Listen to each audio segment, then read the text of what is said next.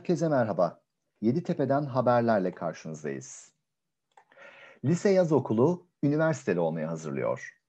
Yeditepe Üniversitesi Sürekli Eğitim Merkezi'nin lise öğrencilerinin üniversiteli olma yolunda potansiyellerini keşfetmelerini sağlamak amacıyla düzenlediği Lise Yaz Okulu, bu yıl 5-9 Temmuz tarihleri arasında pandemi koşulları nedeniyle online gerçekleştirilecek. Programa katılan lise öğrencileri hem 5 gün boyunca yaşıtlarıyla beraber Yeditepe Üniversitesi akademisyenleri tarafından verilen akademik dersleri alabilecek hem de onlarla üniversite tercihleri konusunda sohbet etme fırsatı bulacaklar.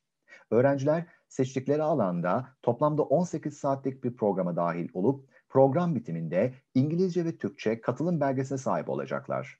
Başvuru süresi 21 Haziran'da sona erecek lise yaz okuluna katılmak isteyen öğrenciler 0216 578 0709 0216 578 0712 numaralı telefonlardan veya liseyazokulu.yeditepe.edu.tr adresinden bilgi alabilir.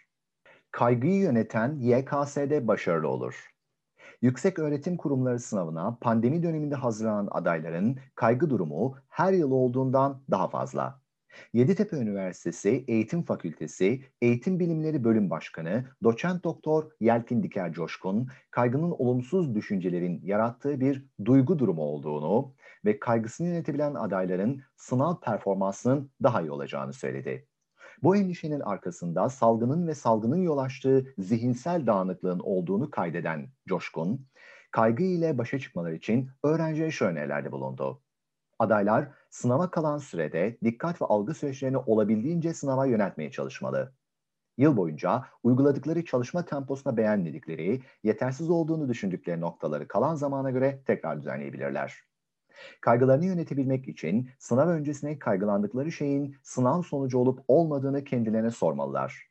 Kaygı nedeni başarısız olmaksa kaygılandıkları konuları sınav sonrası düşünüp çözüm üretebileceklerini bilmeliler öğrenciler iyi organize olabilmeliler. Bunun için bazı stratejiler kullanabilirler. Örneğin soruları hızlı taramak, kendilerince kolay sorulardan başlamak, çok zorlandıkları sorularda ara vermek gibi. Profesör Doktor Linet Özdamar dünyanın en etkili bilim insanları listesinde. Stanford Üniversitesi'nin dünyanın en etkili bilim insanı listesi açıklandı. Yeditepe Üniversitesi Endüstri Mühendisliği Bölümü Başkan Yardımcımız Profesör Doktor Linet Özdamar listede yer aldı. Değerli hocamızı tebrik ediyor, başarılarının devamını diliyoruz.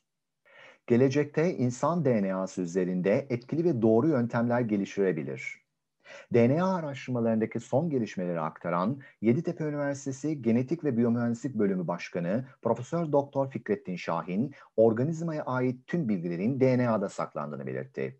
Fikrettin Şahin, genetik alanında yapılan araştırmalar sonucu gelecekte insan DNA'sı üzerinde etkili ve doğru yöntemler geliştirilebilir. Genetik mekanizmaları tam olarak anlaşılmayan bazı kısırlık sorununa ortadan kaldırılabilir. Yaşlanmanın yavaşlatılması hususunda gelişmeler beklenmektedir, dedi. DNA üzerine yapılan çalışmalar neticesinde PCR gibi yeni teknolojilerin keşfedildiğini anımsatan Profesör Doktor Şahin, gelişmelerin doğal sonucu olarak bugün tedavisi mümkün olmayan kısırlık, genetik hastalıklar ve kanser gibi birçok hastalığın tedavisinin mümkün olabileceğini kaydetti. Mikroorganizmalar, bitkiler, gıdalar ve hayvanların genomunda yapılan değişikliklerin gelecekte insan ve çevre sağlığı üzerine önemli katkıları olabileceğini ifade eden Şahin, DNA alanında farkındalık eğitimlerinin küçük yaşlarda başlaması gerektiğini vurguladı. Doçent Doktor Bilge Güvenç Tuna'ya Bilim Akademisi ödülü. Bilim Akademisi tarafından 2013 yılında başlatılan ve kamu fonları yerine toplumdan gelen maddi destekle yürütülen Bilim Akademisi Genç Bilim İnsanları Ödülü programı BAGEP'in 2021 yılı sonuçları açıklandı.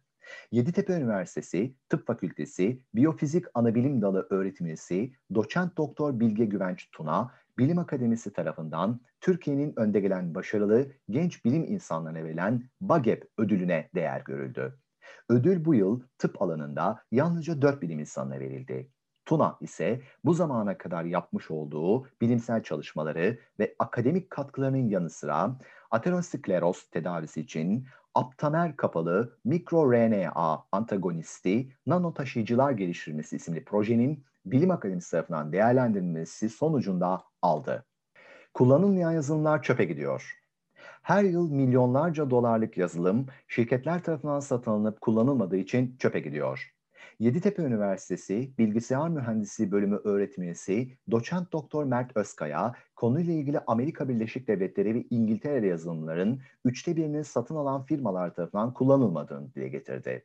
Mert Özkaya, Amerika Birleşik Devletleri'nde kullanılmayan yazılımların maliyetinin 30 milyar doları bulduğunu, İngiltere'de ise bu rakamın 8 milyar dolara yaklaştığını ifade etti. Özkaya, İngiltere merkezli bir E isimli firmanın 4 yıl boyunca ABD ve İngiltere'de 16 farklı endüstriden yaklaşık 150 şirket arasında yaptığı araştırmanın sonuçlarını paylaşarak çözümüne yönelik açıklamalarda bulundu. Türkiye'de de yüzlerce yazılım firması olduğunu söyleyen doçent doktor Özkaya, yazılım firmaları şirketlerin problemlerini doğru analiz edip ihtiyaçlarını doğru şekilde algılamıyor. Böyle olunca şirkete müşteriye problemi çözecek yazılımı veremiyor. Belli bir süre sonra da şirket o yazılımdan vazgeçiyor.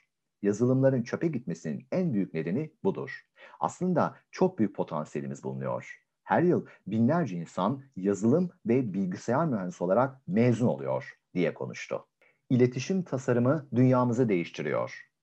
Yeditepe Üniversitesi İletişim Fakültesi Görsel İletişim Tasarımı Bölümü Başkanı Profesör Doktor Neda Üçer, görsel iletişim tasarımının yakın gelecekte daha önemli yer tutacağını işaret ederek yaşamımızın birçok alanında iletişim tasarımlarıyla karşılaştığımızı ifade etti.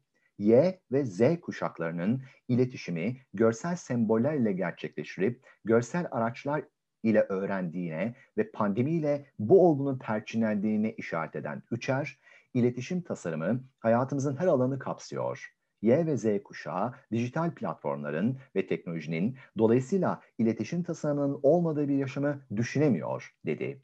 İletişim tasarımının düşüncemizi ve kararlarımızı etkilediğini belirten Üçer, iyi bir tasarımda bulması gerekenleri şöyle sıraladı.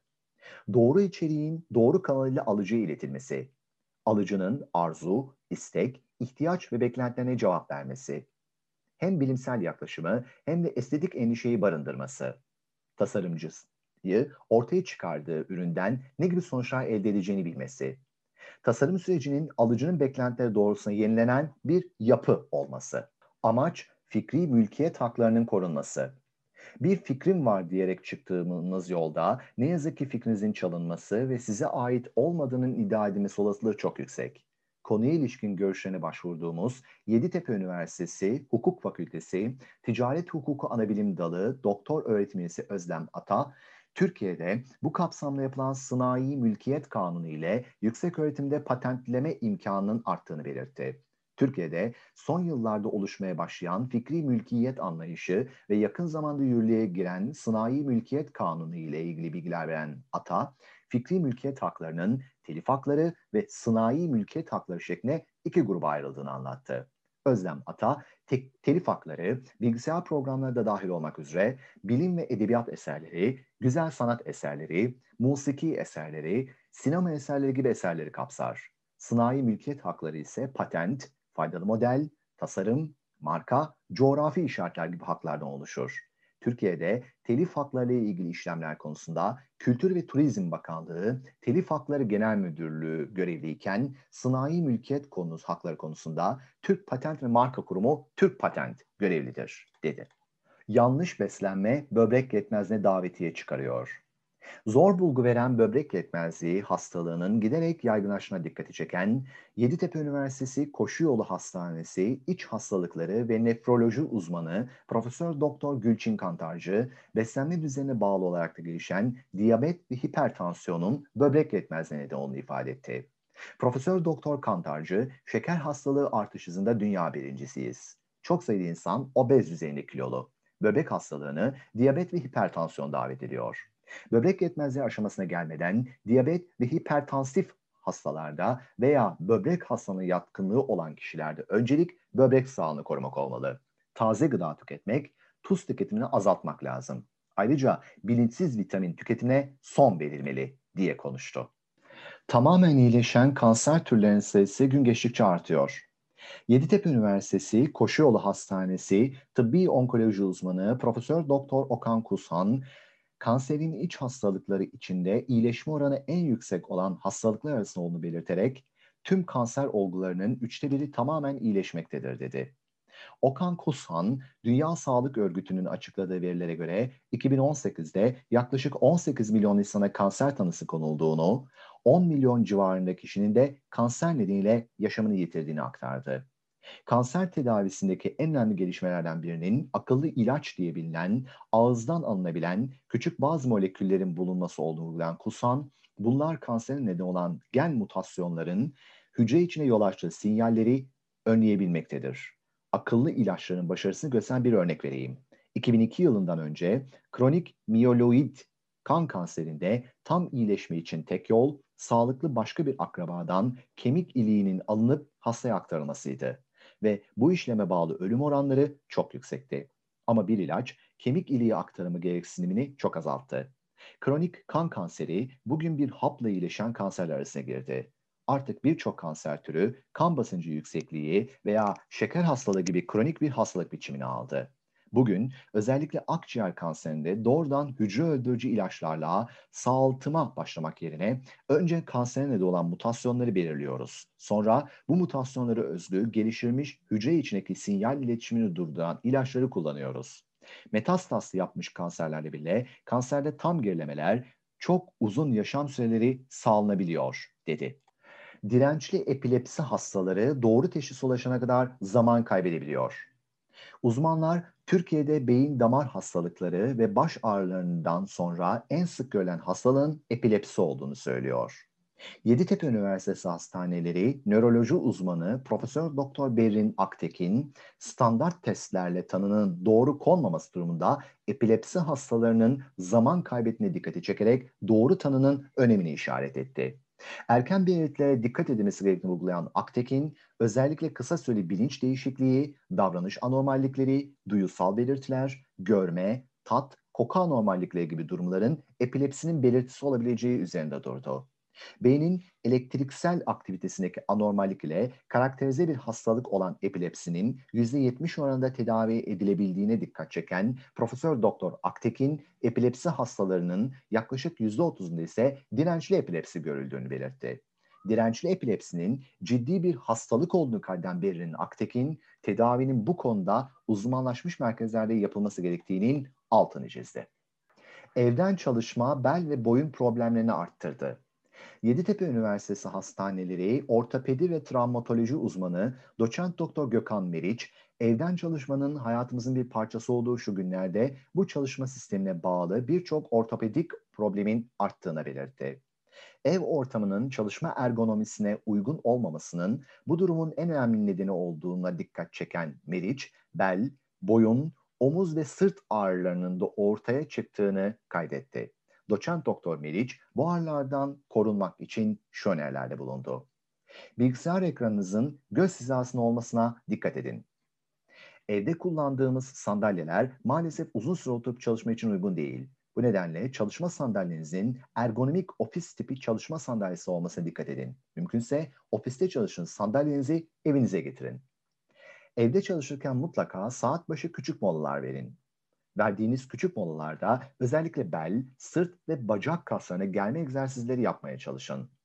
Çalışma esnasında dizlerin kalça eklemiyle 90 derece açıda olmasına ve bacakların yere paralel şekilde omurganızın yere dik pozisyonda olmasına özen gösterin. Sırt ve bel ağrınız fazla ise ofis koltuğunuz ile beraber sırt desteği kullanın. Gün içinde kaslarınızı güçlendirmek amacıyla vücut tipinize uygun olacak şekilde egzersiz yapmaya çalışın.